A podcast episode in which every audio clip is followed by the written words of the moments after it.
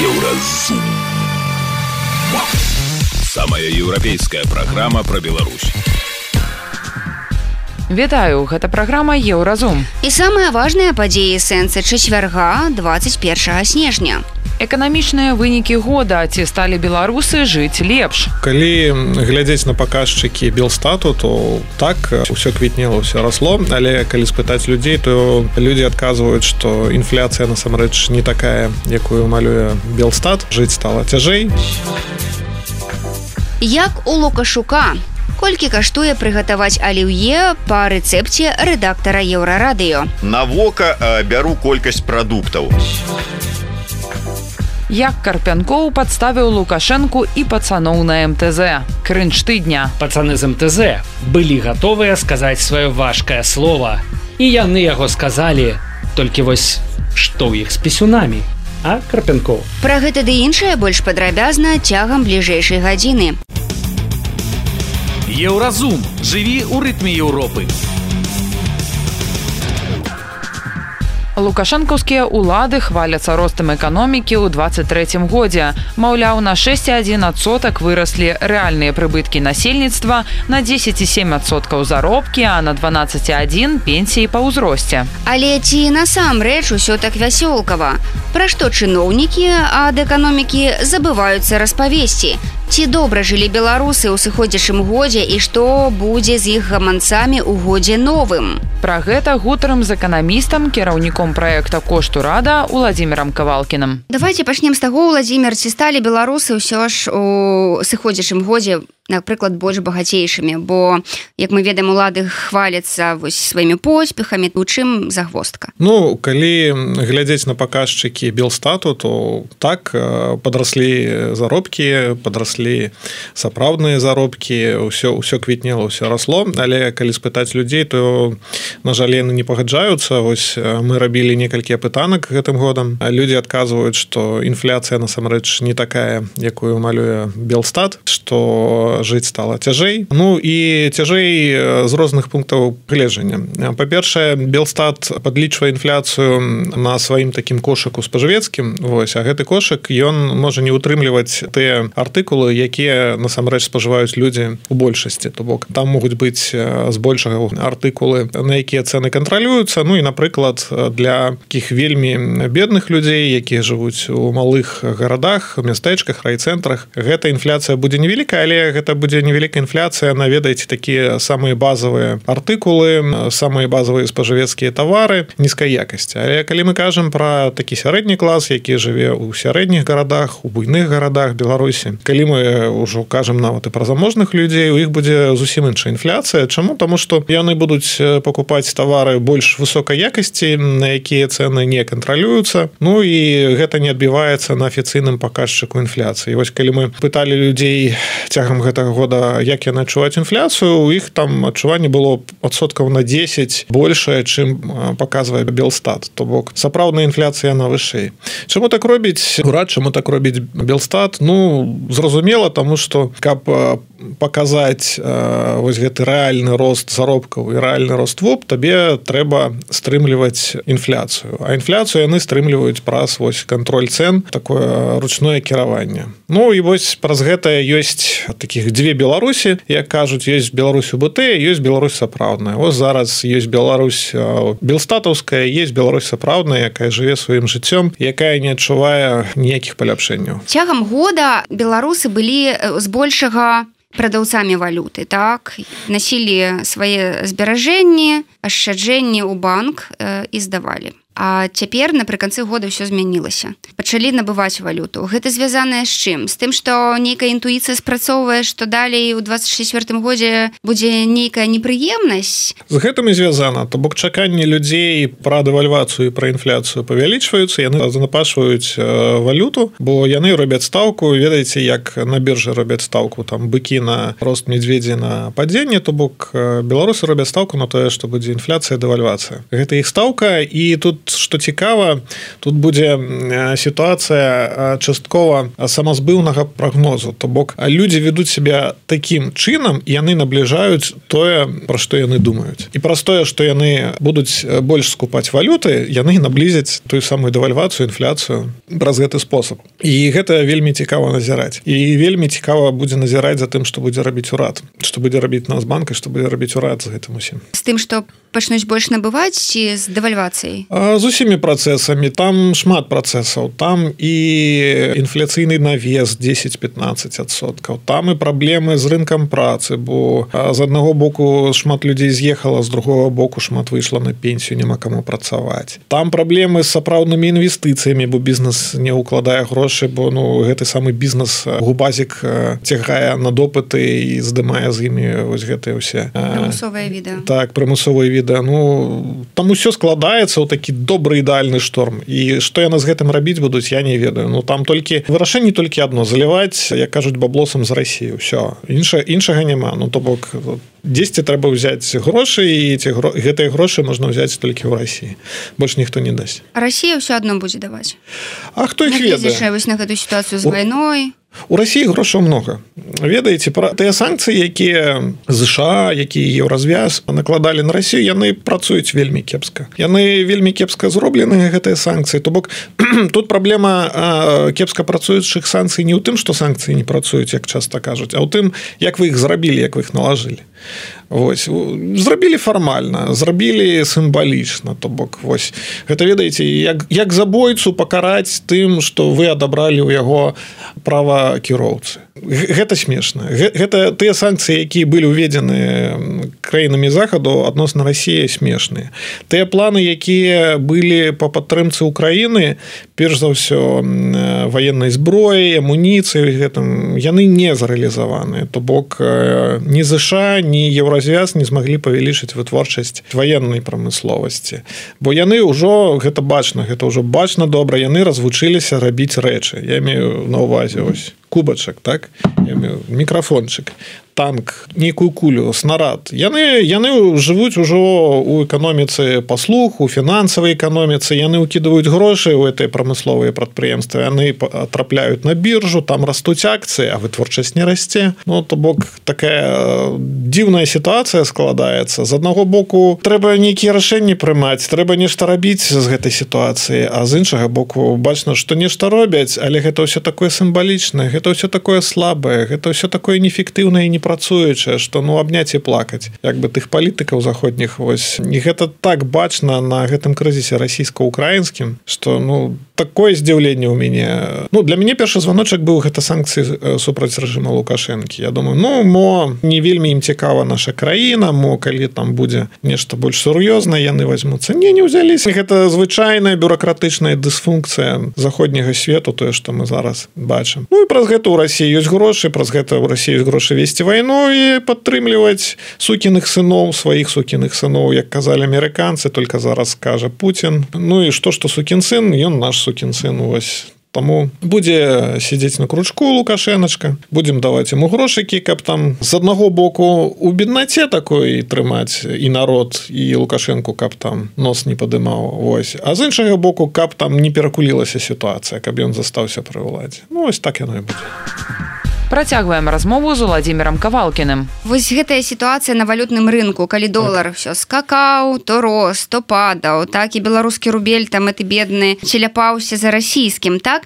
А вось як гэта ўсё псіхалагічна ўплывае на беларусаў да? Што беларус адчувае, калі бачыць, што ёпрст 37 Ну добра што скупіў даляры і схаваў под матрас. Вось што ён адчувае. А той хто не купіў ён кусае локці кажа Ай ну гэтай же забаве ўжо 30 год. Колькі там нашай незалежнай краіне столькі гэта забава адбываецца. Ну то бок беларусы ведаюць што нельга давяраць ніякаму ўраду ніякаму нацбанку ніякаму прэзідэнту. І хаваць грошы там дзе іх не адбяруць і у той валюце на якую не можа паўплываць урад. Вось. Галоўная выснова беларусаў за гэтае 30годдзя дарэчы долар у наступным годзе дасягне чатырох?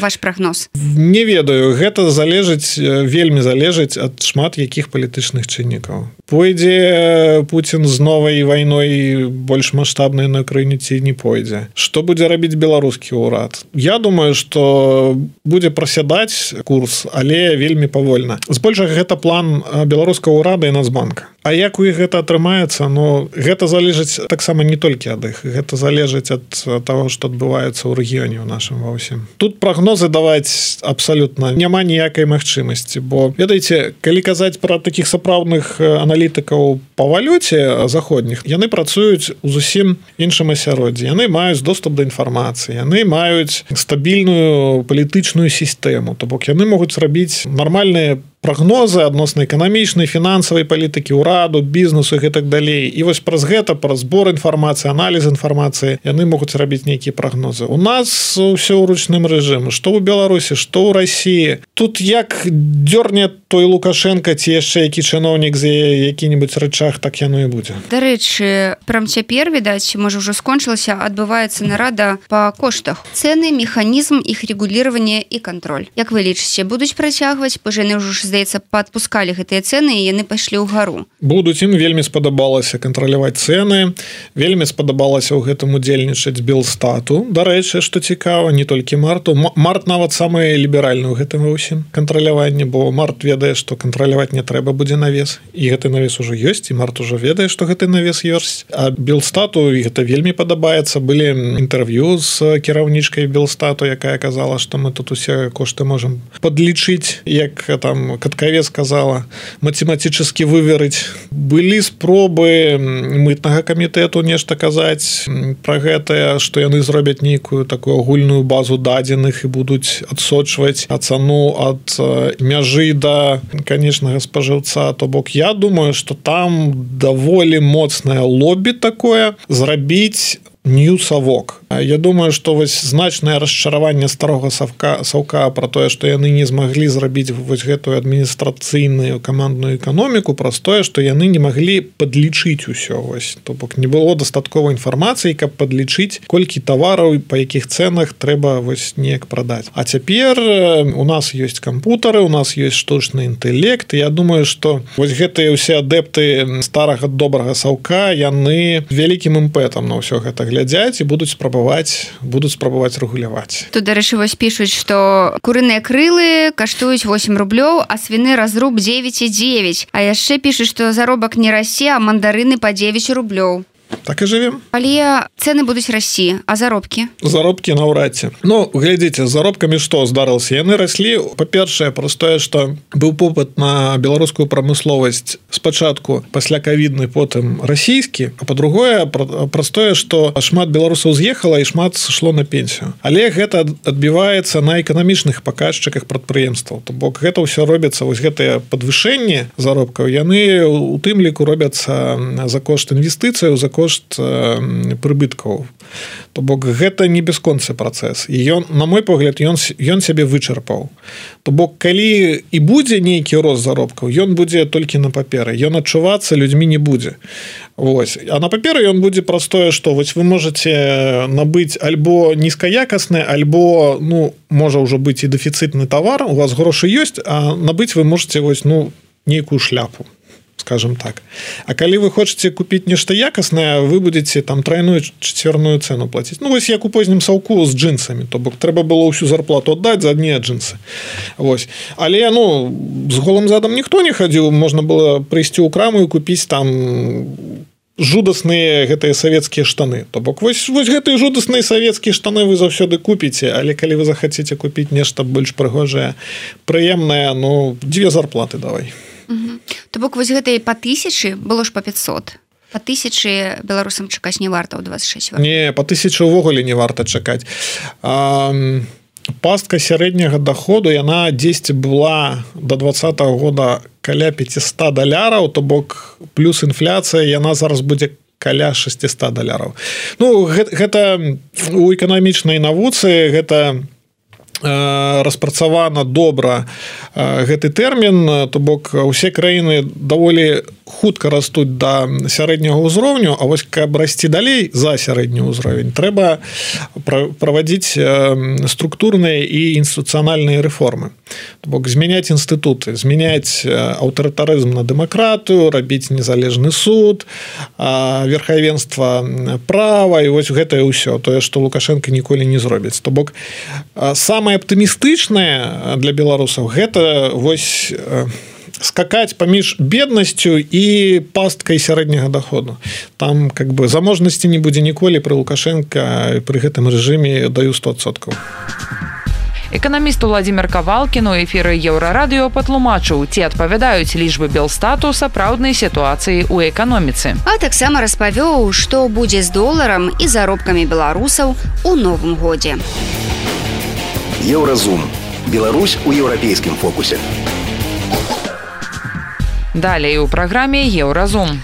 Як у лукашука, колькі каштуе прыгатаваць аліўе па рэцэпце рэдактара еўрарадыё. На вока бяру колькасць прадуктаў. Як карпянкоў падставіў лукашэнку і пацаноў з МТЗ. Крынж тыдня. Пацаны з МТЗ былі гатовыя сказаць сваё важкае слово. І яны яго сказалі, толькі вось што ў іх з пісюнамі а карпянкоў сустрэнемся пасля навінаў спорту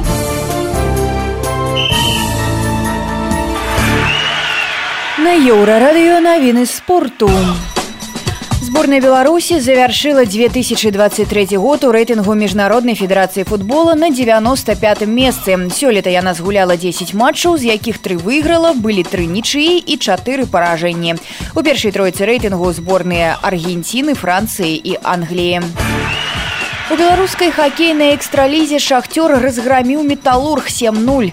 Салігорцы набралі 58 ачкоў і працягваюць пагоню за лідарам віцебскам, у якога начку больш.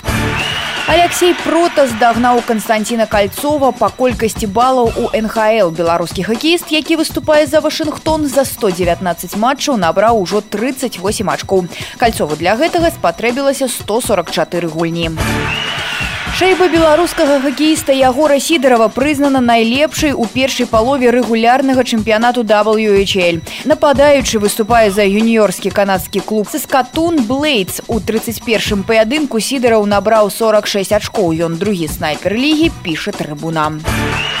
У Салігорску ў наступным годзе з'явіцца баскетбольны клуб шахцёр паведамляе прэсбол. Плануецца што спачатку ён будзе ўдзельнічаць у чэмпіянаце беларусі а пасля яго паспрабуюць заявіць у адзіную лігу втб у якой няўдала выступае мінск. Фінансаваць новы клуб збіраецца Беларусь калей гэта былі навіны спорту на еўрарадыё. Заставайцеся з намі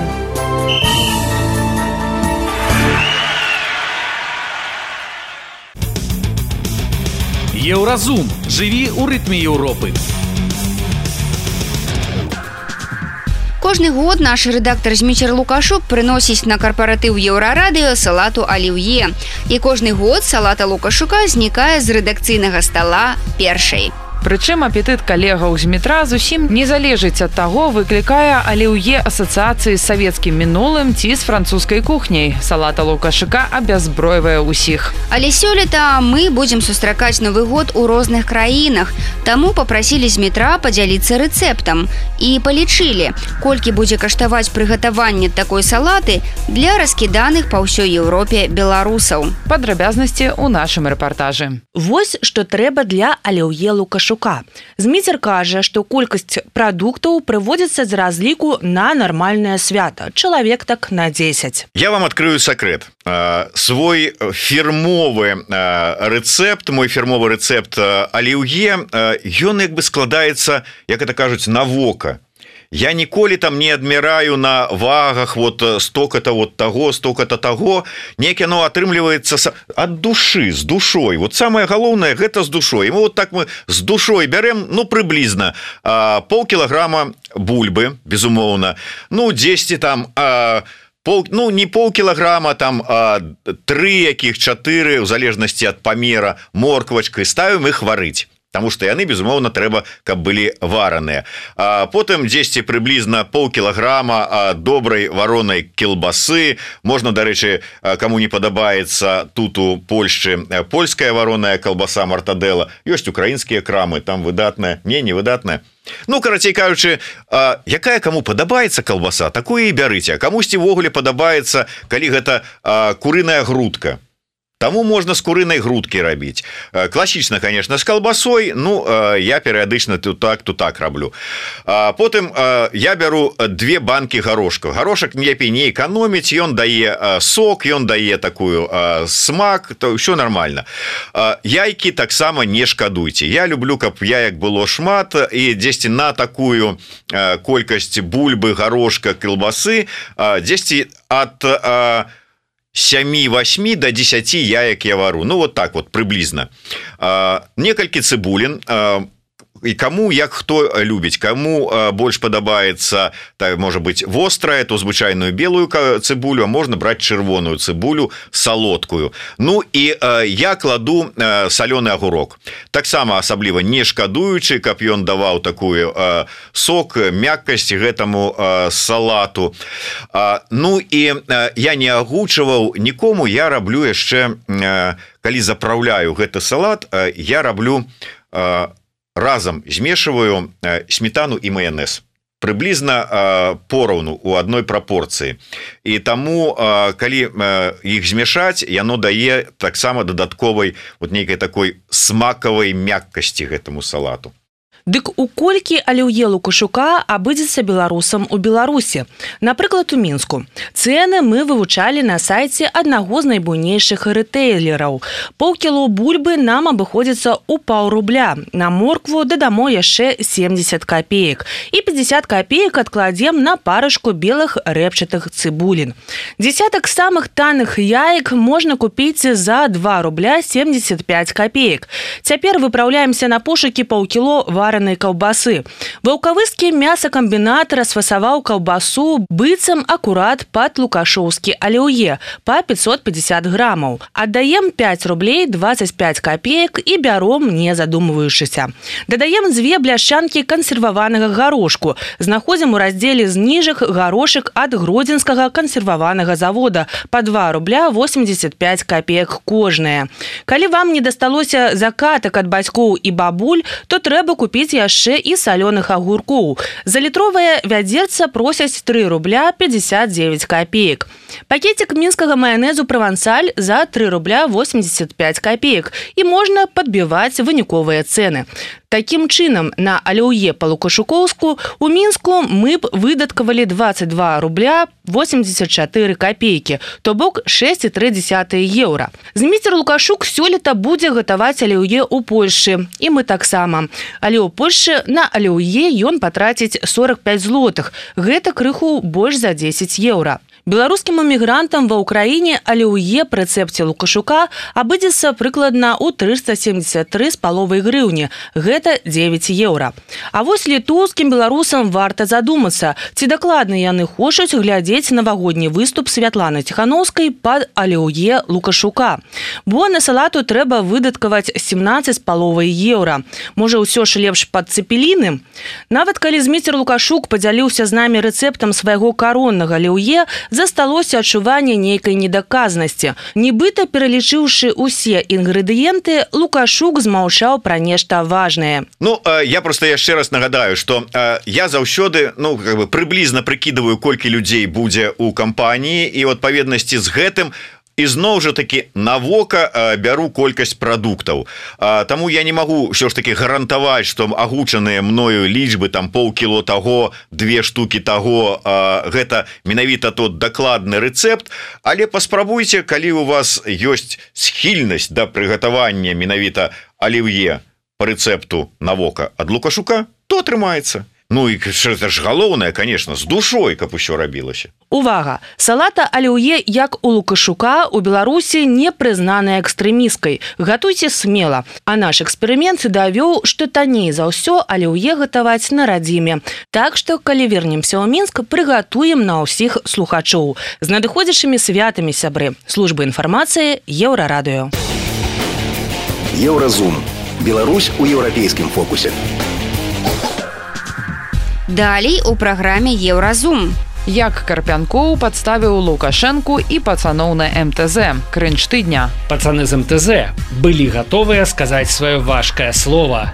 І яны яго сказалі, толькі вось што ў іх з пісюнамі, а карпянкоў. Сустрэнемся пасля навінаў шоу-бізу. Шоу-біз.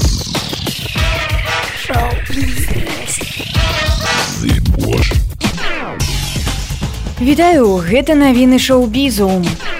Гослінг разам з прадюсерам Маркам Ронсонам, які адказваў за саундтрек да фільму Барбі, выпусціў зборнік Кэнда і Пі, куды ўвайшлі тры версіі нашумелай песні I'm just Ken.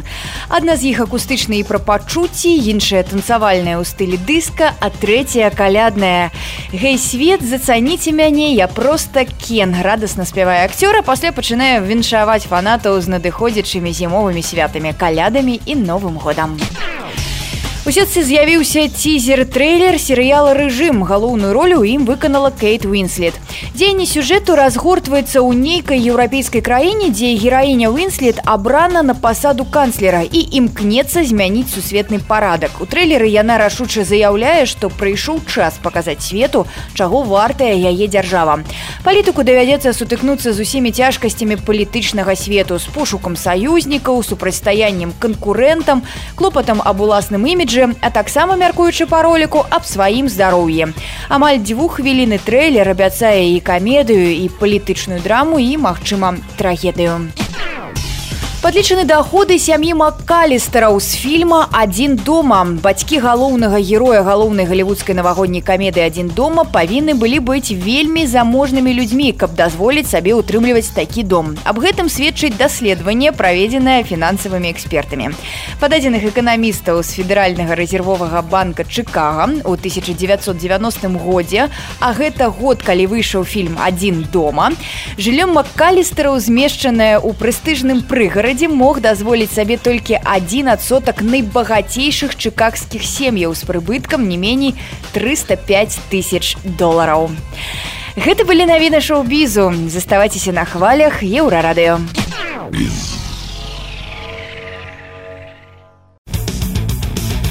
Еўразум жыві ў рытме Еўропы.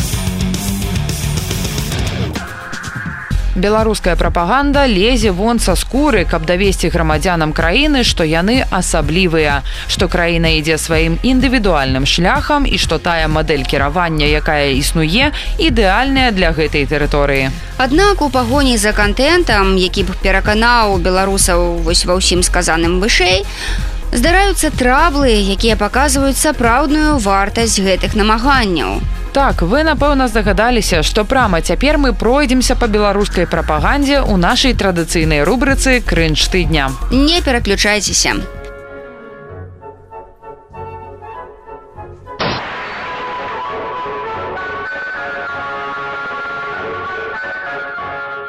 Прывітаннечка, гэта крынж тыдня, праграма на еўрарадыё, дзе мы смяемся над нахабнай махровай прапагандай. Асноўная ўвага Беларусі, але не забываемся і пра расійскіх прапагандыстаў. Зараз самі ўсё пабачыце і пачуеце. Мікалай Карпянкоў вырашыў распавесці грамадскасці пра маленькі пеніс.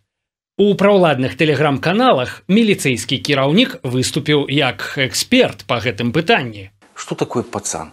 Ведь это же получается такой вот получается термин э, уголовно э, еврейской среды такой. Вот получается поц это э, маленький член, маленький член у маленького мальчика. И вот представляете э, слово писюна. Что такое вот получается слово писюна и кровь на асфальте, на, асфальте. То есть если это разложить, уже вот видится вот в этом во, во всем какая-то глупость. На идыш слово поц сапраўды означае челес. Только вось памер там не удакладняецца, а паходжанне слова пацан ад поца толькі версія. Так што лінгвіст скарпянкова так сабе. Да таго ж атрымалася вельмі няёмка. Сваімі разважаннямі генерал пакрыўдзіў шмат людзей. Ад лукашэнкі, які актыўна ўжываў слова пацан усю сваю палітычную кар'еру, да вось гэтых завадчан, якія ўпісаліся ў нейкі чарговы ідэалагічна правільны флешмоб. Чтобы гордость за белорусские тракторы, буду работать честно и добросовестно. Слово пацана. Потому что в ней сила. Буду говорить правду. Слово пацана. Совершенству нет предела. Каждый день буду учиться новому. Слово пацана. В ней любовь и счастье. Буду беречь свою семью. Слово пацана. Пацаны з МТЗ былі гатовыя сказаць сваё важкае слово. І яны яго сказалі, толькі вось што ў іх з пісюнамі, а карпянкоў. Увогуле ж прапаганда штурмуе тикток. Ідэолагі адзін за адным выдумляюць флешмобы, а працоўныя калектывы па разнарадцы да іх далучаюцца. Вось, напрыклад, эпічны челлендж зарадка с директором. Так, ну что, продолжаем наше совещание. Мы знаем, которые решаем. Филиал Брестские тепловые сети передал нам челлендж «Зарядка с директором». Выбирайте спортивные направления и проводите зарядку со своим персоналом.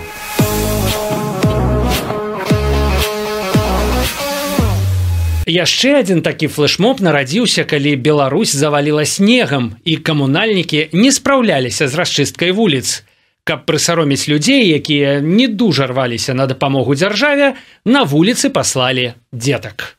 Вместе с детским садом «Радуга-Град» поселка Чонки мы присоединяемся к челленджу «Уборка снега по-чонковски». Музыка грузинская, уборка снега детская. Дарэчы, пра музыку грузінскую. Флешмоб са свойскімі танцамі дасягнуў самых далёкіх куточкаў Беларусі і падарыў нам немало крынжу. Вось маё любимае. Прымаем челлендж атарабло! Музыка грузинская! Танцы свойскія! Раз, Раз два, три! Картули І плеваць, што музыка насамрэч італьянская, а картвелі Нікос Бэнд толькі запісалі кавер. Галоўнае паставіць галачку і адправіць справаздачу. Студэнтам года ў Беларусі стала дзяўчына. Анастасія Кісель атрымала за перамогу дзіўны прыз.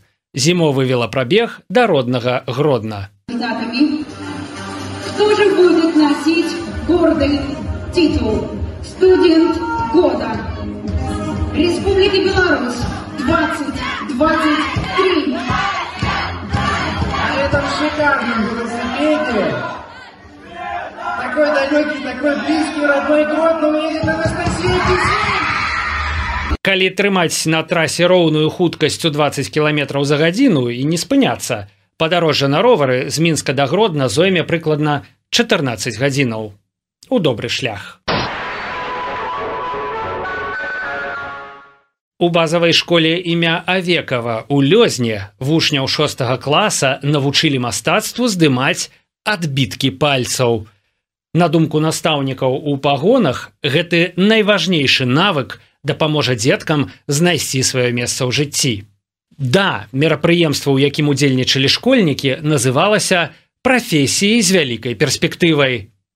Вось такія перспектывы ў беларускіх вучняў. Гэта быў крынж тыдня на еўрарадыё. Праз пару дзён будзем разбірацца з наступнай порцыяй хлусні і прапаганды, а пакуль усім міру разборлівасці і добрых праўдзівых навінаў. Еўрапейскае радыё для Беларусі. Гэта была праграма Еўразум, штодзённы інфармацыйны падкаст еўрарадыё. Кожны дзень мы распавядаем пра галоўныя навіны Беларусі і свету. А сённяшні выпуск скончаны. Беражыце сябе. Пачуемся.